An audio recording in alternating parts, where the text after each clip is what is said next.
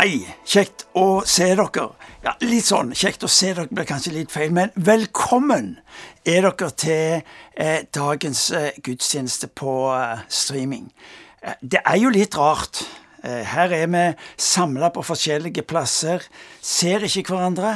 Men denne erfaringen av at vi er samla om Han, som ser oss alle der vi er, er jo egentlig fenomenalt. Så velkommen er du til eh, noen minutter hvor vi sammen skal få lov til å både tilbe, lytte til Guds ord, bli utfordra på å bety en forskjell i mennesker sitt liv. Velkommen er du. Det er en eh, glede å få lov til å eh, invitere deg til å høre på undervisningen fra Anne Kristin Brann, som skal gi oss noen gode ord på hva er det med denne dagen palmesøndag så spesiell, så uvanlig i sitt innhold, fordi at kontrastene blir så store. Fra han som de tar imot som konge, og så noen dager seinere skal vende ryggen. De forsto han ikke som konge, for de trodde han kom med, med og skulle ta makta. Men det som egentlig er typisk for Jesus, han gir fra seg makta fordi at du og meg skulle vite at uansett hvor vi er, så fanger han oss opp fordi han går ned så dypt ned at ingen skal kunne definere seg utenfor. Så velkommen er du til denne underlige dagen, palmesøndag. Eh, før jeg ber en bønn. Eh, andre påskedag så skal du få lov til å være med på feiringa vår. Vi har ikke lov til å være i kirka, men vi streamer den eh, på YouTube andre påskedag klokka seks. Koble deg opp på den. Hvis du er litt usikker, så gå inn på imikirka.no, og så finner du linken der. Hjertelig velkommen er du til å være med på denne feiringa vi vil ha av oppstandelsen og Jesus Kristus. La oss be. Kjære Jesus, vi takker deg fordi du kommer til oss både som konge, som tjener, for nettopp å frelse, for å gjenopprette, for å istandsette det som var din plan for mennesket. Vi ber for denne samlingen. La den få lov til å berøre oss på en slik en måte at vi våger å ta nye skritt sammen med deg. Velsigne de som nå sitter rundt forbi. La de erfare, Gud, at du ved din ånd berører tanke, deres ånd, og hele deres liv. I ditt navn, Jesus, ber vi. Amen. Hei. Mitt navn er Kjartan Sørheim. Jeg har gleden av å få lov til å lede vårt eh, arbeid, bl.a. i Thailand. I dag så har jeg faktisk gleda meg til å komme her og få lov til å fortelle dere om hva som skjer akkurat nå i Thailand. Forrige uke eh, så hadde jeg flere spennende samtaler med vår stab der nede. Og blant annet så får jeg lov til å sitte i en time og høre på Premchai. Og høre på hun fortelle om hvordan Guds ånd har skapt gjennombrudd på gjennombrudd i de siste to ukene som har foregått. Hvis du har lyst til å høre alt, eller ikke alt, men hvis du har lyst til å høre flere enn de historiene som jeg har tid til å fortelle i dag, så kan du gå inn her på imikirken.no og lese en blogg som jeg nettopp har skrevet om dette. Ikke primært fordi at han er så veldig bra skrevet, men fordi at han forteller noen vitnesbyrd som virkelig, virkelig har berørt meg. Og folkens, dette er en lagseier. Det som skjer der ute nå, det er noe som vi står sammen om. Og det trenger jeg at vi fortsetter å gjøre. Jeg trenger det. At vi kan stå sammen og investere penger og fortsette å gi kollekter, sånn at vi kan holde tempoet oppe i det arbeidet som vi gjør her. Så når vi står her og forteller til dere på disse hus-kirke-gudstjenestene, så er det jo fordi at vi trenger de gavene. Vi trenger det jo for vår egen del, holde rytmen oppe på givertjenesten. Men vi trenger òg å få lov til å få dele historiene om at verden er ikke satt på vent. Guds rike er ikke på vent. Guds rike er i bevegelse, folkens. Og vi er med der vi sitter. Det som skjedde Jeg skal fortelle ett lite glimt. da. Eh, jeg skal fortelle om at Prem eh, og teamet hennes helt nord i Thailand de holder på å forberede Impulse on Tour litt lenger vest i landet. Så blir det oppringt av pastoren som skal være vertskap eh, for dette arrangementet. Og han sier det. Jeg ble oppringt av en lærer som hadde hørt at dere arbeidet i byen. Så sier denne læreren det. Kan dere være så snill å komme til oss og hjelpe oss? Vi sliter. Vi sliter med en skole eh, der mange av elevene er plaga av dype depresjoner og selvmordstanker. Og Prem sier 'der vil vi komme'. De får frie tøyler til å gjøre hva de vil. Når de så er kommet der, et par dager seinere kom til stedet, så opplever de da at eh, de får lov til å komme inn. De har forberedt hele salen for dem. De får sitte, stå foran 400 avgangselever. Og så leder de inn i lovsang. De fleste av disse folkene har jo aldri hørt evangeliet. Men de tar det inn i Guds nærvær. Og så presenterer de evangeliet klart og tydelig. Og når de så til slutt inviterer mennesker til å bli satt i frihet ved Jesu nåde, så opplever de da at majoriteten, og de har ikke helt tallet på det, men flere hundre av disse ungdommene strekker hånda i været og gir seg til Jesus. For et par dager siden fikk vi en melding om at et bitte lite skolelag som de hadde på denne skolen, har vokst langt ut av det lokalet de hadde.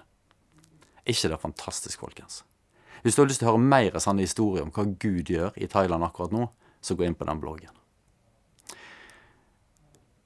Folkens, tusen takk for den gaven som dere har lyst til å være med og gi i dag.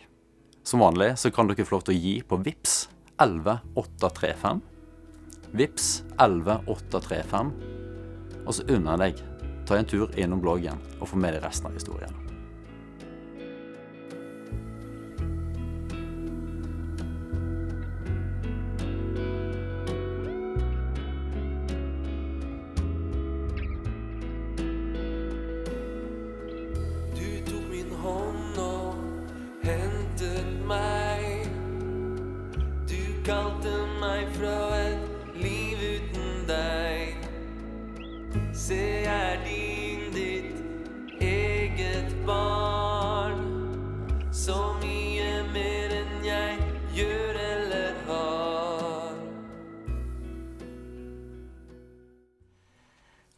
Folkens, påske står for døra. Den viktigste og sterkeste høytida for oss som tror på Jesus Kristus, den oppstandende. For meg så er palmesøndag på en måte en litt sånn vanskelig dag. Martin nevnte det innledningsvis, og det handler både om fest og om sorg. Jeg klarer ikke helt å glede meg med de som synger Hosianna Davidsson. For jeg veit det, at noen få dager etterpå så roper de 'Korsfest! Korsfest!' Hvorfor skjedde det? Hva var det som gjorde at dette folket gikk fra å hylle han til å ville korsfeste han i løpet av noen få dager? Handler det om hvordan de forstår hvordan Messias skulle komme, og kongen skulle komme? Men først la oss høre teksten slik det står i Matteusevangeliet, kapittel 21. Da de nærmet seg Jerusalem og komne til Betfaget ved Oljeberget, sendte Jesus to læresveiner i vei, og sa til dem, Gå inn i den landsbyen som ligger framfor dykk. Der skal de straks finne et esel som står bundne og har en fåle hos seg. Disse skal de løse og leie til meg. Og om noen kommer med spørsmålet, da skal de svare, Herren har bruk for dei. Da sender han dei hit med en gang. Dette hendte for at det skulle oppfylles, det som er tale gjennom profeten. Si til Sions datter, sjå, kongen din kjem til deg. Audmjuk er han og rid på et esel, og på folen til trekkdyr. Læresveinene gikk av stad og gjorde som Jesus hadde sagt. De henta eselet og folen, og så la de kappene sine på dem, og han sette seg oppå. Mange i folkehopen bredde kappene sine på vegen, og andre hogg greiner av trea og strødde på vegen. Og folket gikk føre, og de som fylde etter, ropa. Hosianna, Davids sønn, velsigna er Han som kjem i Herrens navn. Hosianna i det høgste. Da han drog inn i Jerusalem, vart det uro i heile byen, og de spurte, Hvem er dette? Og folkehopen svarer, det er profeten Jesus fra Nasaret i Galilea.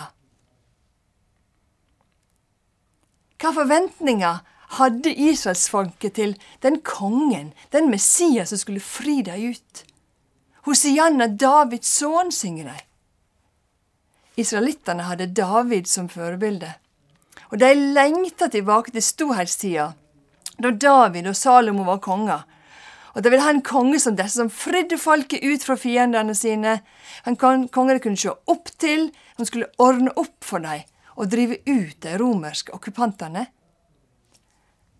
Jesus kom overraskende på folket. Hans inntog i Jerusalem var ikke annonsert, eller, og de visste ikke at han skulle komme. Men da de hørte at han var på vei inn til byen, så skunda de seg for å se han de hadde hørt om som hadde helbreda sjuke, drevet ut ånder, talt med stor myndighet og utfordra de religiøse lederne. Det står at de sprang han i møte og bøygde kne, la klærne sine ned på bakken og vifta med palmegreiner. Kan du se det for seg? Dette var profeten fra Nasaret. Handla forventningene deres om deres egen posisjon? Deres folk som skulle regjere? Ville de helst være på vinnerlaget, de som faktisk vinner seieren? Kanskje var det slik, da, at de mennesker som ropte høgast, de var ikke villige til å ta kampen sjøl, eller loddet, som det å kjempe mot romerne. De ville Jesus skulle ordne opp for dem. Alle var ikke like glade da han kom, for han fikk så stor oppmerksomhet. Han tok også oppmerksomheten fra noen. Og fariseerne sa til og med, Der ser dere, det nytter ikke! Hele verden springer jo etter han. Hører vi misunnelse? Hører vi ufred? Et annet spørsmål jeg stiller meg, er hvordan viste Jesus seg sjøl som konge? Vi møter en konge som rir inn i Jerusalem på et esel. Hvorfor ikke på en hest? Jeg tror han ville være i øyehøyde med oss, folkens. Han var født til jord av oss og var et menneske lik oss. Han vokste opp i en fattig familie, han var en del av et stort samfunn. Jesus passa ikke inn i folks forventninger. Han framsto ikke mektig og herskapelig og stor, men han var blant folket. Han var en av oss. Han var en konge som lot seg fornedre, en konge som ikke er som andre konger. Paulus forteller oss hvordan Jesus ble en annerledes konge, i Filipperne 2, vers 6-11. Han var i Guds skapnad og så det ikke som et rov å være Gud lik, men ga avkall på sitt eget, tok en tjeners skapnad og ble menneskelik. Da han sto fram som menneske, fornedra han seg sjøl og ble lydig til døden, ja, døden på korset. Derfor har òg Gud opphøgd han til det høgste og gjev han navn over alle navn. I Jesu navn skal derfor hvert kne bøye seg i himmelen og på jorda og under jorda, og hver tunge bekjenne at Jesus Kristus er Herre, til Gud Faders ære. Det er en konge vi feirer på palmesøndag. En annerledes konge. En konge som kom for å tjene oss. Han rir inn i Jerusalem, og vi veit at han gjorde det med et tungt hjerte. Men han hadde et valg. Helt til langfredag hadde Jesus et valg. Men han valgte oss. Han valgte deg, og han valgte meg. Fordi han var en av oss så ble han reist opp og ble konge. Ikke en konge på et esel, men en konge over alle konger. Hva betyr det for deg og meg, da, at Jesus er konge? Er det en fare for at vi ønsker en konge sånn som israelittene ønsket en konge? At han skal fri oss ifra marginalisering eller sekularisering eller latterliggjøring eller diskusjoner. og Vi ber om vekkelse i landet. Men handler det om at vi vil tilbake til de store tidene, da vekkelsen Da folk strømmet til kirke og til bedehus? Da var det Hans Nilsen Hauge som gikk mil etter mil etter mil og bygde landet med bønn og arbeid. Ser vi på det som har vært, at det er sånn vi ønsker å ha det? Eller ser vi framover? Jesus han lever i oss hver eneste dag, oss som tror.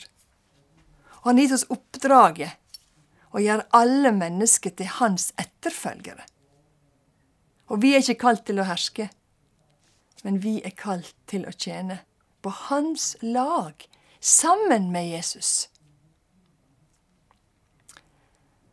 Han har all makt i himmel og på jord. Vi skal takke, vi skal tilbe, vi skal prise Han for det Han har gjort for oss. Men Han har bedt oss om å gå. Han har sendt oss. Han har gitt oss oppdraget å spre de gode nyhetene om Hans rike gjennom ord, og ikke minst gjennom handlinger.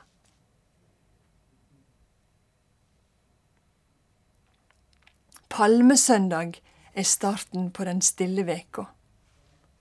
Og nå har vi mulighet til å følge Han inn i det som kjem. Være med på det siste måltidet. Være med Han inn i Getsemane på skjærtorsdag. Vi skal sjå Han bli krona med ei tornekrone og bli korsfesta på langfredag. Og på påskemorgen skal vi sjå og oppleve Hans oppstandelse. Dette, folkens, er min konge. Han vil jeg følge. Han vil jeg skal lede meg.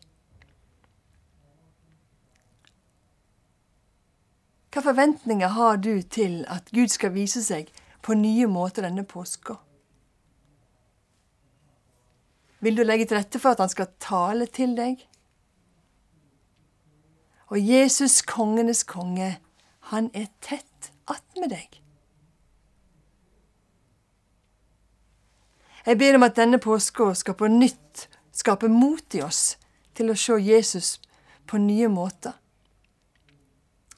Og da må vi, da må jeg og du, lage en landingsplass i våre liv. Sette av tid til at Han skal få skape nytt liv og gjøre det Han sier i sitt ord. Elske deg tilbake til livet. Elske deg tilbake til livet med Jesus.